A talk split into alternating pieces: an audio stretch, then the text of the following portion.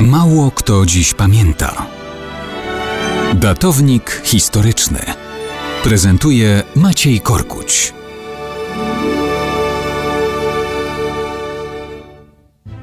Mało kto dziś pamięta, że dopiero co minęła rocznica wydarzeń spod warszawskiego Michalina z kwietnia 1944 roku.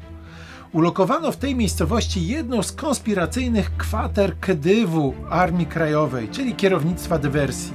Mieściło się tam archiwum i magazyn broni oddziału dywersji bojowej DB-18.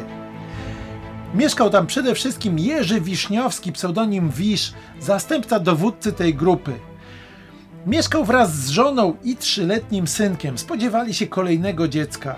Nie wiedzieli, że zostali zadenuncjowani przez miejscowego Volksdeutscha. 25 kwietnia 1944. Godzina 5 rano. Z ciężarówki wysypują się żandarmi. Dowodzą nimi gestapowcy w czarnych mundurach. Dom zostaje otoczony. Niemcy rozwalają okiennice, wrzucają granaty do środka. Sytuacja żołnierzy AK jest katastrofalna. Nie mają już nic do stracenia. Wisz i dwóch jego kolegów podejmują walkę. Ostrzeliwują się przez 40 minut.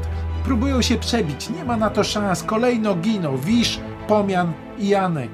Dom, magazyn i archiwum zostają wysadzone. Ginie kilku Niemców. Ranna żona Wisza dostaje się w łapy gestapo. Po kilkunastu dniach mordują ją na pawiaku. Trzyletni synek także zostaje zabrany przez Niemców. Jest ranny, więc umieszczają go pod nadzorem w szpitalu. Żołnierze AK błyskawicznie organizują akcję wykradzenia chłopca. Wyrywają go z rąk Niemców i umieszczają pod opieką zakonników w klasztorze. Chcą także godnie pochować poległych kolegów. Ich ciała zostają potajemnie wyekshumowane. Zostaje zorganizowany konspiracyjny, skromny, ale podniosły ceremoniał honorowego pochówku wojskowego na cmentarzu w Falenicy. Szybko zostaje ustalone, że cały ciąg zdarzeń rozpoczął się od donosu owego miejscowego Volksdeutscha.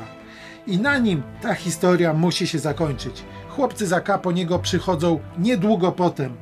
Prawa wojny są nieubłagane. Wieszają go w lesie pod falenicą. Na kulę nie zasługuje. Czasem jest sprawiedliwość na tym świecie. Była zbrodnia, musiała być i kara.